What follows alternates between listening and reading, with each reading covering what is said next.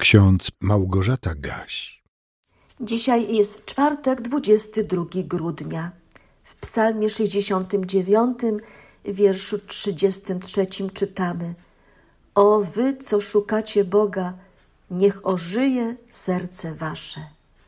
A w Ewangelii Łukasza w pierwszym rozdziale, w wersecie 40 i 41 czytamy: Maria weszła do domu Zachariasza i pozdrowiła Elżbietę. A gdy Elżbieta usłyszała pozdrowienie Marii, poruszyło się dzieciątko w jej łonie i Elżbieta napełniona została Duchem Świętym. W naszym kalendarzyku z Biblią na co dzień jest też na dziś zapisana myśl Alberta Einsteina. Życie można przeżyć tylko na dwa sposoby – albo tak, jakby nic nie było cudem, albo tak, jakby cudem było wszystko. Drodzy słuchacze, pozwólcie, że dziś przypomnę Wam dłuższy fragment z Ewangelii Łukasza, który mówi o tych dwóch kobietach tak bardzo wyróżnionych przez Boga: o Marii, matce Jezusa, i o Elżbiecie, matce Jana Chrzciciela. Ewangelista Łukasz w pierwszym rozdziale swej Ewangelii napisał: Bóg posłał anioła Gabriela do miasta galilejskiego zwanego Nazaret, do panny poślubionej mężowi, któremu było na imię Józef, z domu Dawidowego, a pannie było na imię Maria. I wszedłszy do niej rzekł: Bądź pozdrowiona, łaską obdarzona. Pan z Tobą, błogosławionaś Ty między niewiastami. Ale ona zatrwożyła się tym słowem i rozważała, co by mogło znaczyć to pozdrowienie. I rzekł jej anioł: Nie bój się, Mario, znalazłaś bowiem łaskę u Boga. I oto poczniesz w łonie i urodzisz syna i nadasz mu imię Jezus. Ten będzie wielki i będzie nazwany synem Najwyższego i da mu Pan Bóg tron jego ojca Dawida i będzie królował nad domem Jakuba na wieki, a jego królestwu nie będzie końca. A Maria rzekła do anioła: Jak to się stanie, skoro nie znam męża? I odpowiadając anioł rzekł jej, Duch Święty stąpi na ciebie i moc Najwyższego zacieni cię. Dlatego też to, co się narodzi, będzie święte i będzie nazwane Synem Bożym.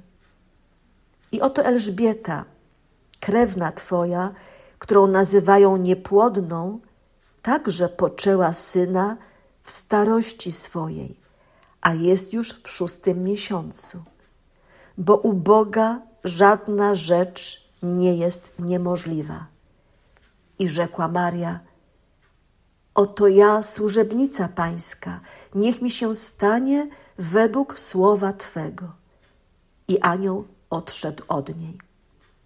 A Maria wybrała się w onych dniach w drogę i udała się śpiesznie do górskiej krainy, do miasta judzkiego i weszła do domu Zachariasza i pozdrowiła Elżbietę. A gdy Elżbieta usłyszała pozdrowienie Marii, poruszyło się dzieciątko w jej łonie i Elżbieta napełniona została Duchem Świętym. I zawołała donośnym głosem i rzekła: Błogosławionaś ty między niewiastami i błogosławiony owoc żywota twego. A skądże mi to, że moja, że matka mojego Pana przyszła do mnie? Bo oto, gdy dotarł do uszu moich głos pozdrowienia Twego, poruszyło się z radości dzieciątko w moim łonie. I błogosławiona, która uwierzyła, że nastąpi wypełnienie słów, które Pan do niej wypowiedział. I rzekła Maria: Wielbi dusza moja Pana i rozradował się duch mój w Bogu, Zbawicielu moim, bo wejrzał na uniżoność służebnicy swojej. Oto bowiem odtąd błogosławioną zwać mnie będą wszystkie pokolenia, bo wielkie rzeczy uczynił mi wszechmocny i święte jest imię Jego. Jeszcze raz powtórzę myśl Alberta Einsteina. Życie można przeżyć tylko na dwa sposoby. Albo tak, jakby nic nie było cudem, albo tak, jakby cudem było wszystko.